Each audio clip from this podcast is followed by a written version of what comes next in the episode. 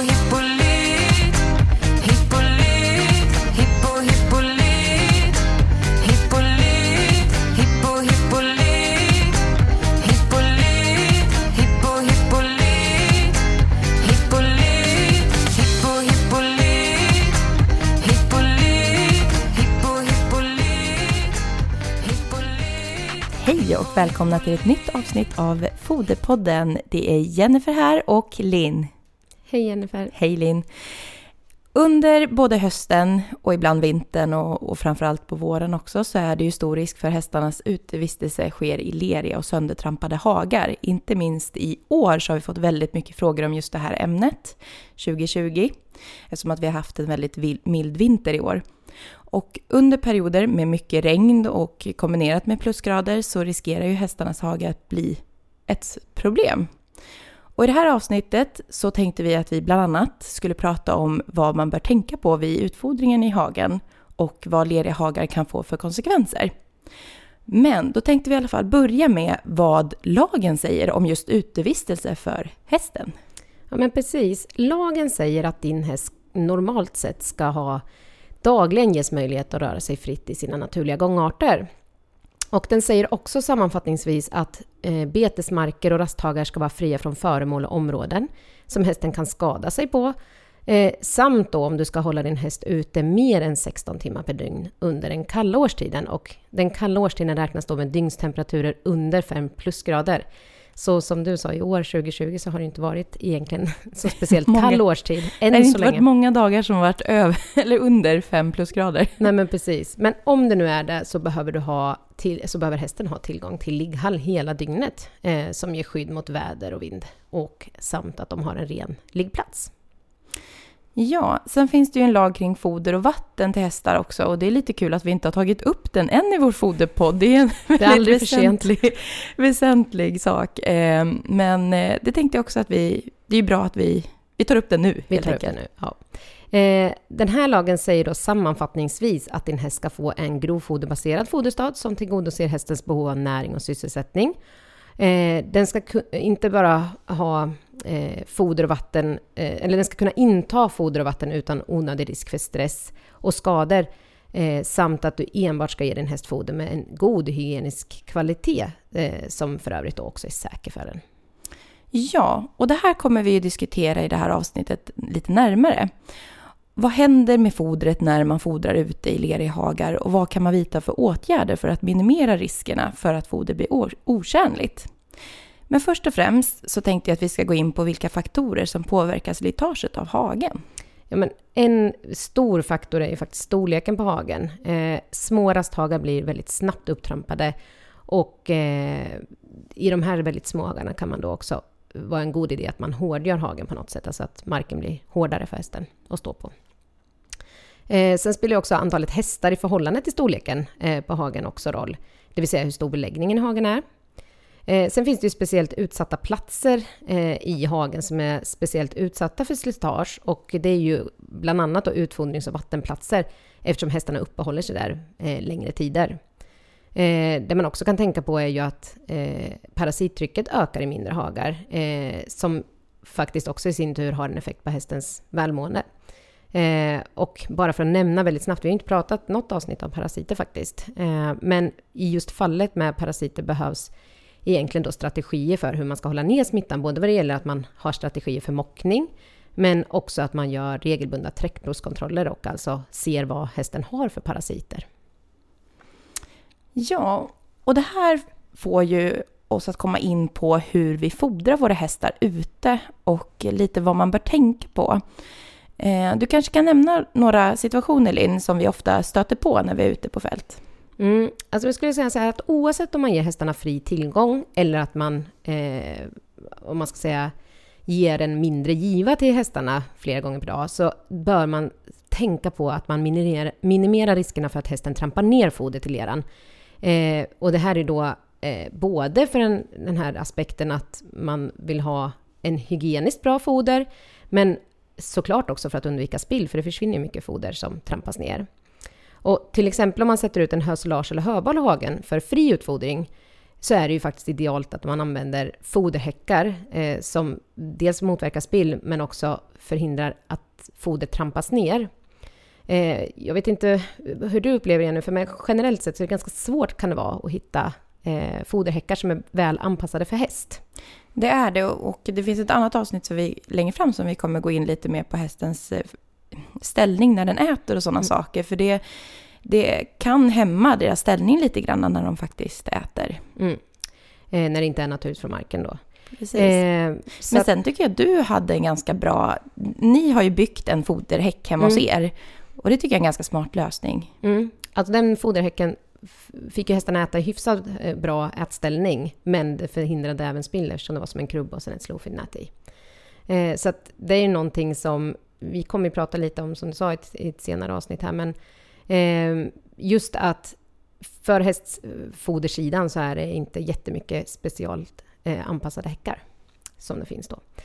Eh, ett annat problem med utfodringen om man har då storbal är ofta att det används till för få hästar. Det här tror jag också vi har pratat om tidigare, men alltså det är en stor risk om man inte har tillräckligt många hästar att det, man inte fodrar ut balen tillräckligt snabbt helt enkelt. Och vi kan väl upprepa det att man bör fodra balen 5-6 dagar eh, från det man öppnar den. Eh, och här spelar ju också omgivande temperaturen roll.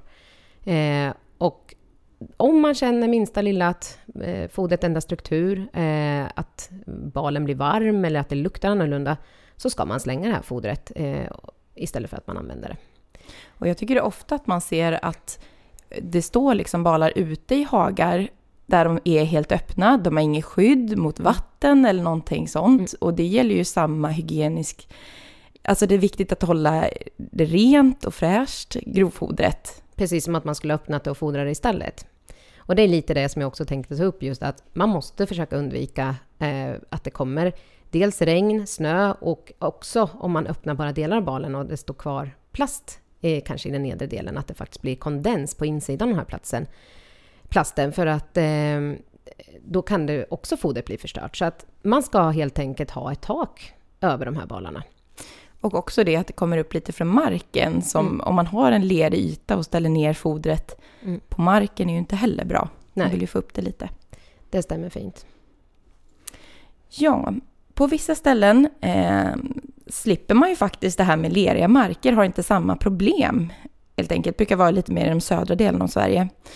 Men de har ju istället andra problem och då är det framförallt med sandiga hagar. Och vad bör man tänka på då? Ja, men detsamma gäller ju här naturligtvis eh, när man fodrar hästarna på marken. Att finns det mycket sand, eh, precis som om det finns mycket lera, så ska man se till att man får upp fodret från marken för att undvika att hästen får i sig stora mängder sand.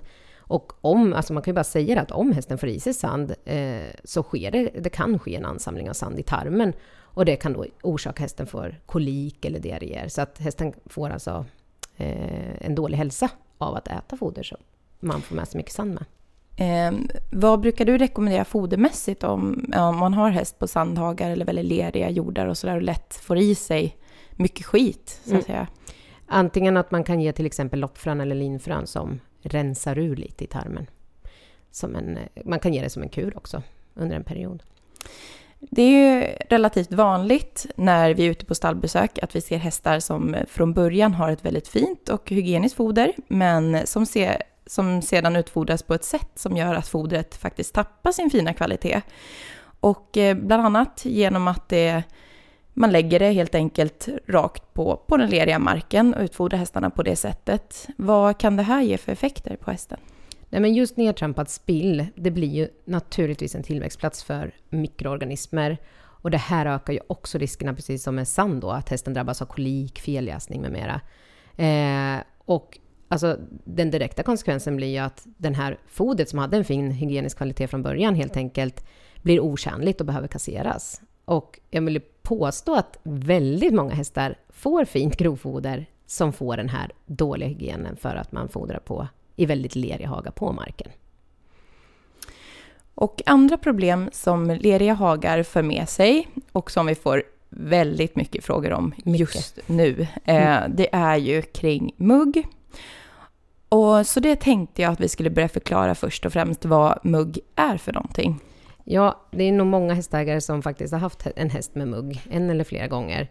Men mugg och rasp är en benämning för inflammationer i huden, eh, då på de nedre delarna av hästens ben. Och för mugg generellt så är det ju då när huden mellan kotleden och kronranden är drabbad och då särskilt i karleden som det här ofta uppstår. Och rasp går då istället upp på skenbenet på hästen. Eh, och när hästen drabbas av mugg blir huden svullen, eh, den kan bli röd och fjällande och det kan också bli så pass att det blir vätskade områden med torkade skorpor och förtjockad hud. Och mm, det här gör ju väldigt ont på hästen och den kan ju också få bli halt och den kan drabbas av lymfangit, svullna ben. Och ofta ser vi mugg under just den här tiden på året. Inte minst nu som i år när, och när det har varit väldigt mycket leriga hagar. Eh, och det har också varit väldigt, väldigt fuktigt för det har ju kommit oerhört stora mängder regn just nu under den här vinter 2020. Då. Mm, och inte minst de som har hästar kanske i ett eh, en lösdriftssystem där man, inte, där man har svårt kanske att få dem ifrån den här fuktiga marken. Mm. Och förutom då att försöka få hästarna ifrån den här fuktiga marken och leriga hagarna eh, vad, varför tar vi upp det här i en foderpodd? Ja. eh, finns det någonting mer man kan göra? Alltså, någonting som vi ofta märker av, för vi, vi får ju väldigt mycket frågor kring mugg och vi hjälper många hästägare som har hästar med mugg, det är att vi kan se att om vi tillskottsfodrar de här med extra mineraler och då särskilt zink, så försvinner ofta eh, det här problemet relativt snabbt. Eh, och det som är intressant är att det har gjorts, det har inte gjorts mycket studier på det, men det har gjorts en pilotstudie av en veterinär som heter Lene Norman för att undersöka just de här kliniska effekterna. Eh, och i det här försöket så hade man två månaders tillskottsfodring av organiskt bundet zink till hästar med mugg. Och resultatet från den här studien visar att alla sju hästarna som var med i studien förbättrade avsevärt kliniskt och eh, man kan också se att det var en bättre morfologisk struktur på pälsen och huden och de här infekterade områdena. Samt kunde man också se en individuell skillnad även i manen på hästarna, alltså i själva pälsen. Då. Eh, och slutsatsen i den här studien var att oavsett om hästens zinkstatus från början var över eller under normalt i kroppen, eh, så visade det sig att tillskottsfodringen hade en positiv inverkan på hästarna som hade då allvarlig mugg i den här studien. Eh, och det är ju också någonting som vi ofta ser när vi träffar på och försöker hjälpa och beräkna foderstater till många hästar som har mugg eller rasp. Det är att vi faktiskt kan få en förbättrad, en ganska stor förbättrad, till och med få bort det helt och hållet med att tillskottsfodra.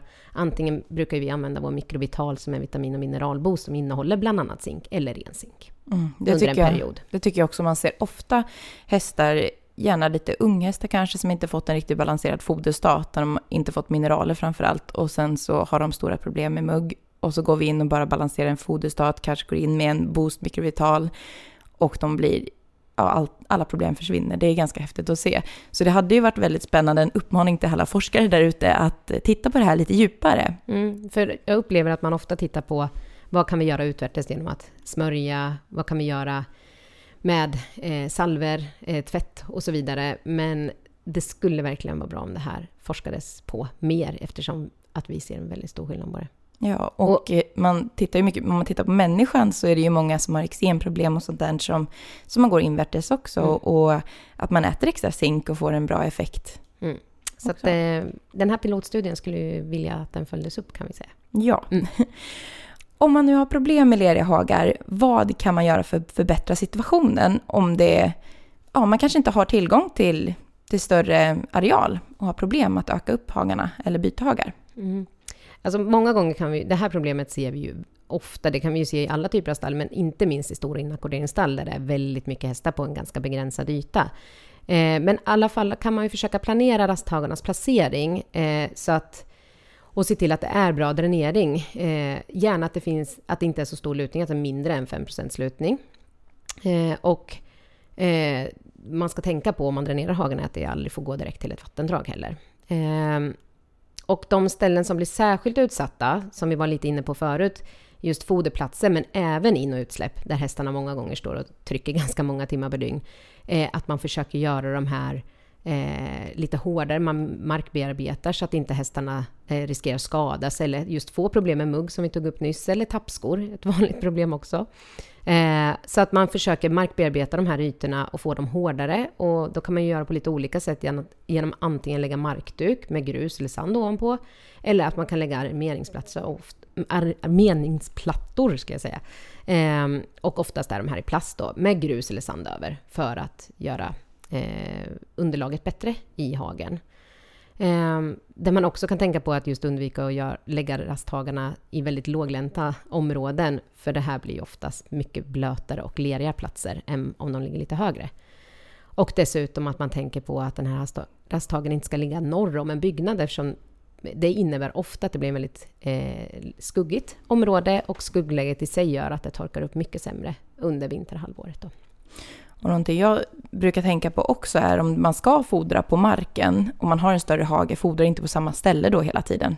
Utan flytta runt foderplatserna, precis. Mm, så att det inte blir samma tryck på samma ställe Mm. hela tiden. Mm. Men sammanfattningsvis då, för att knyta ihop säcken lite och allting vi har tagit upp idag. Så för att förebygga problem, planera era rasthagar redan innan ni bygger dem för att förbättra situationen genom att hårdgöra marken och dränera. Och det är också viktigt att tänka på att dels få upp fodret från marken så att fodret inte får sin hygieniska kvalitet förstört. Och se även till att det inte regnar och snöar på fodret som står ute. Det är bra sammanfattat Jennifer. Har man ytterligare frågor gällande utfodringsrutiner och problem kring leriga hagar så får man gärna höra av sig till oss och då kan man göra det på info eller så kan man ringa oss på 0413 486 100.